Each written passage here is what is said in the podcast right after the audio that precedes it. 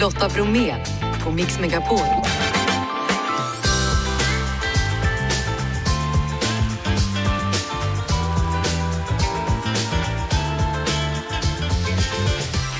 Hallå där och varmt välkommen in till oss och en ny vecka. I dagens måndagsmix, Edvin Ryding, ni vet han från Young Royals, aktuell på bio. Vi snackar bland annat om kärlek och Hollywood. Värsta striderna i Israel på 50 år, ni hör svenska basketproffset Paulina Herslov som nu är på väg tillbaka till Sverige.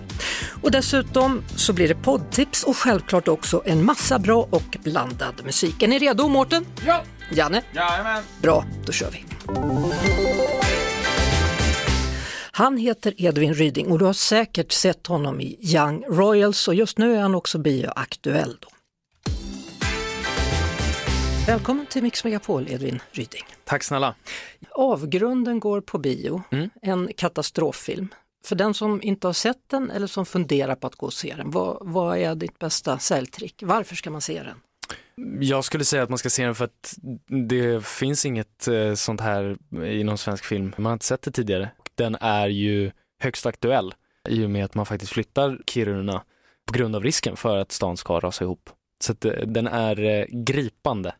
Om man har sett dig så kan man ha sett dig som Linus i Gåsmamman eller Viktor i Älska mig eller prins Wilhelm då i Young Royal. Så nu är du alltså med i Avgrunden. Då, då. Vad är skillnaden tycker du på, dig själv om du tittar på alla de här rollerna? Eh, oj, ja, eh, alltså det är ju väldigt eh, olika karaktärer, vilket jag känner mig väldigt nöjd över om jag får säga det själv.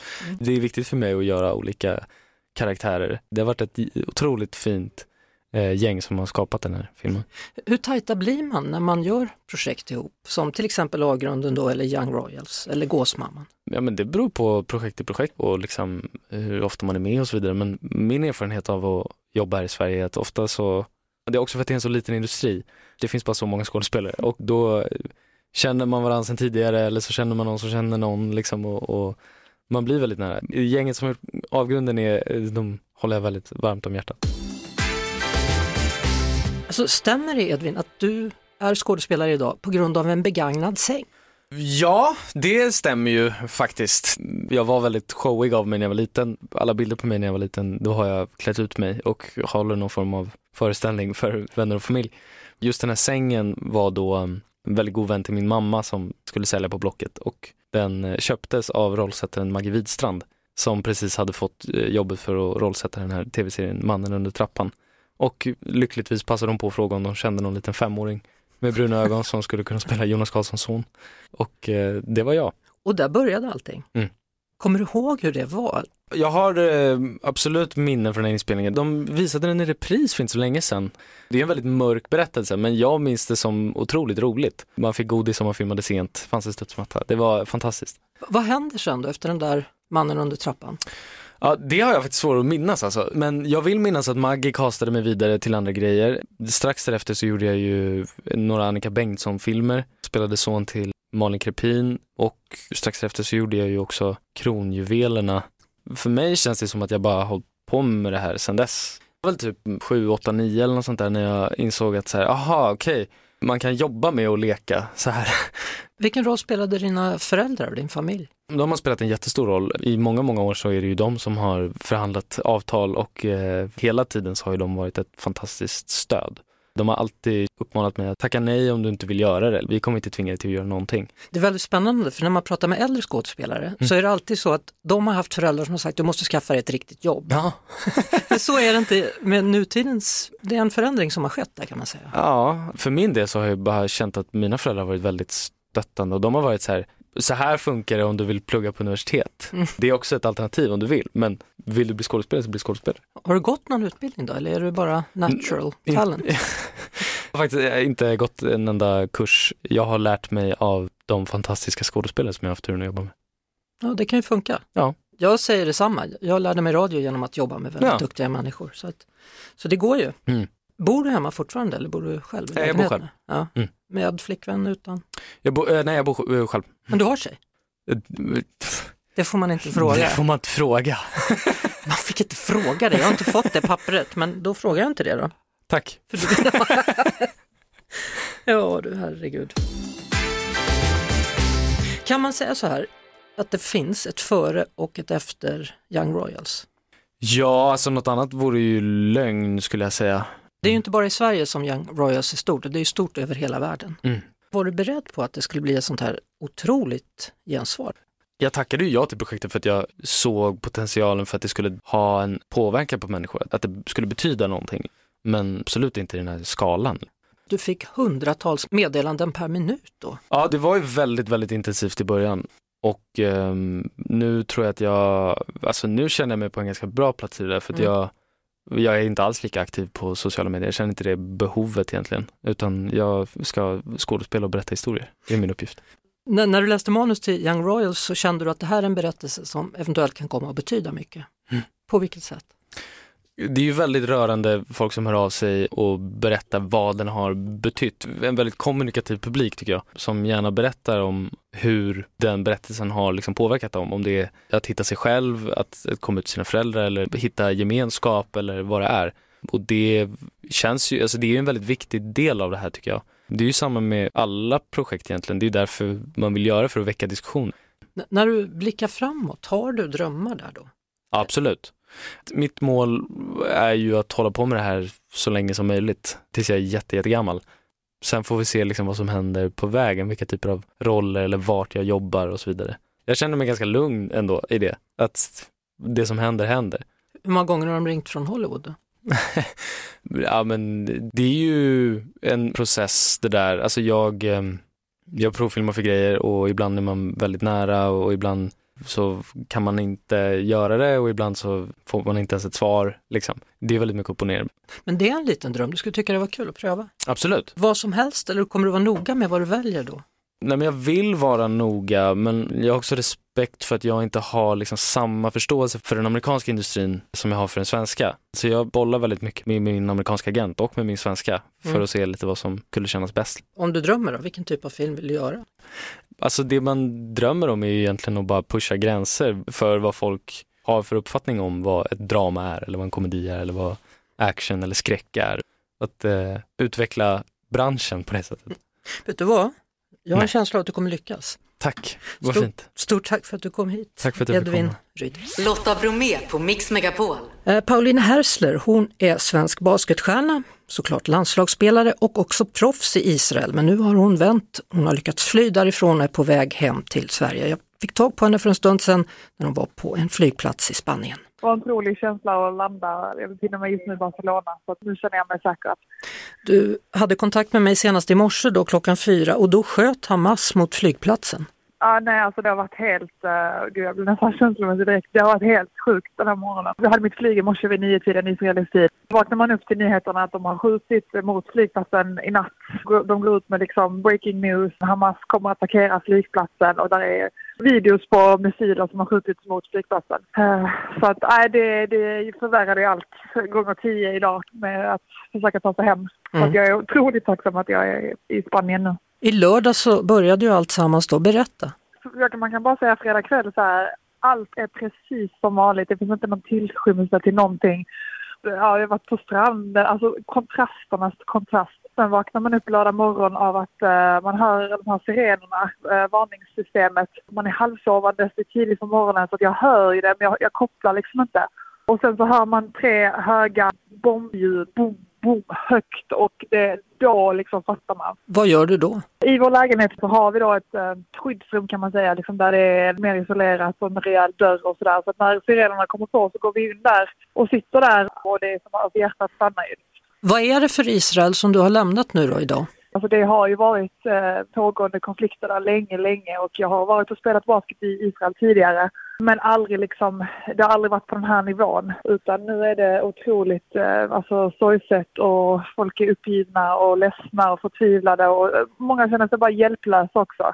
Det är ju den största eskaleringen som man sett då på 50 år och idag då så Ja. har 300 000 reservister kallats in i den israeliska armén. Jo precis, jag har ju lagkompisar. Jag känner ju folk vars familjemedlemmar nu har fått åka in liksom och serva landet helt enkelt. Någon familjemedlem var redan var försvunnen, kidnappad, död, ingen vet. Ja, det är helt förkrossande för israelerna faktiskt. Jag- Alltså, jag tänker så mycket på dem. Jag har ju möjligheten att fly. Jag har tagit mig hit nu, jag har ett annat hem. Men de lever ju i det här. De Mm. kan inte alls fly på samma sätt. Stort tack Paulina Hersler eh, för att du ville vara med och berätta hur det står till i Israel. Tack själv. Podplay. Dags då för mig att tipsa om en podd som jag tycker är väl värd lyssning. Det handlar om Larm vi minns med Trösti Brege och Daniel Brander. Välkomna båda två. Tackar. Tack så mycket.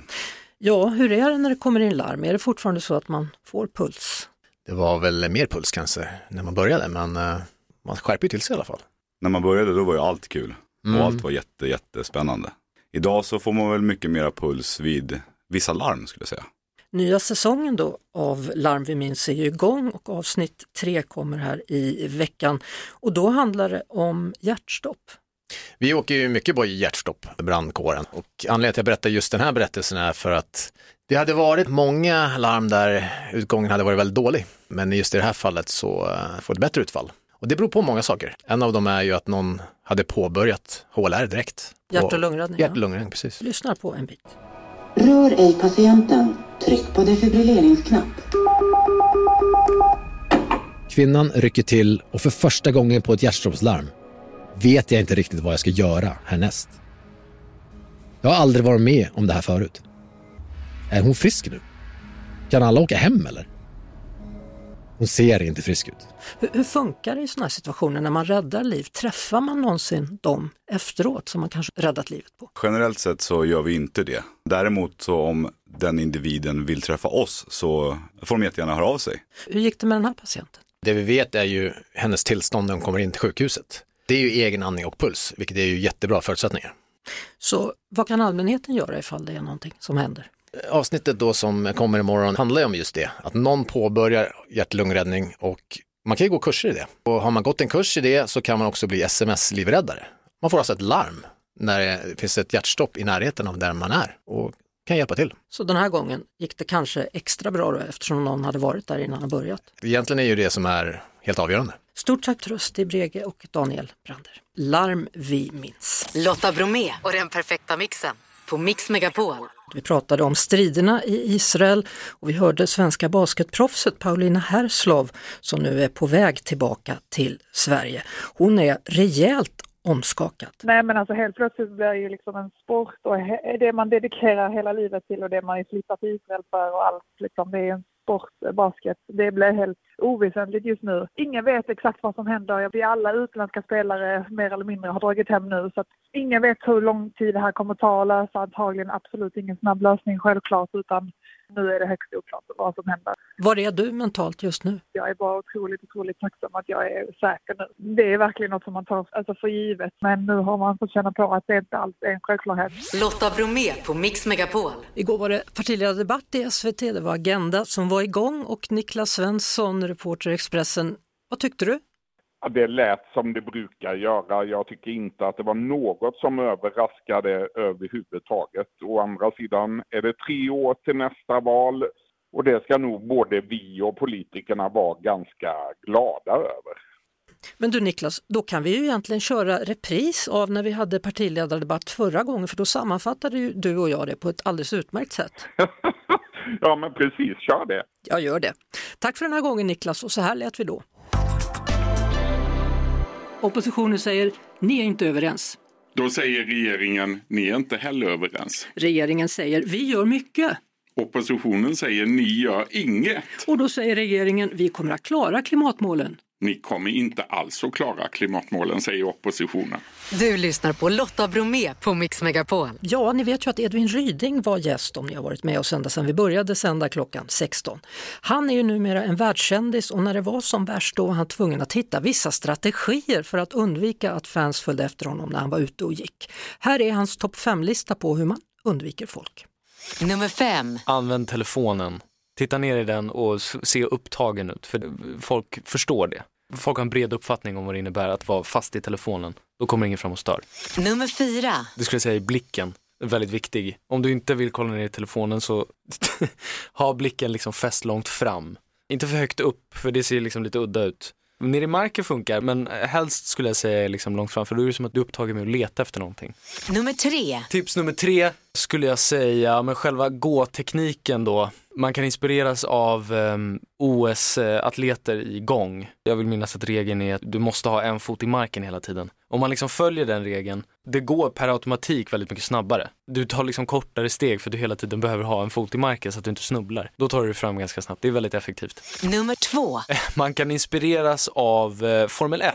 Det gör jag ganska ofta. Alltså du vet, snabbaste vägen runt en kurva. Ta ut svängen, skär kurvan här, hit the apex liksom. Då tar du dig förbi folk också. Då hinner folk inte riktigt uppfatta dig överhuvudtaget. Också väldigt effektivt. Det är skådespelaren Edvin Ryding från Young Royals som listar de fem bästa tipsen på att undvika folk om man vill vara i fred på stan.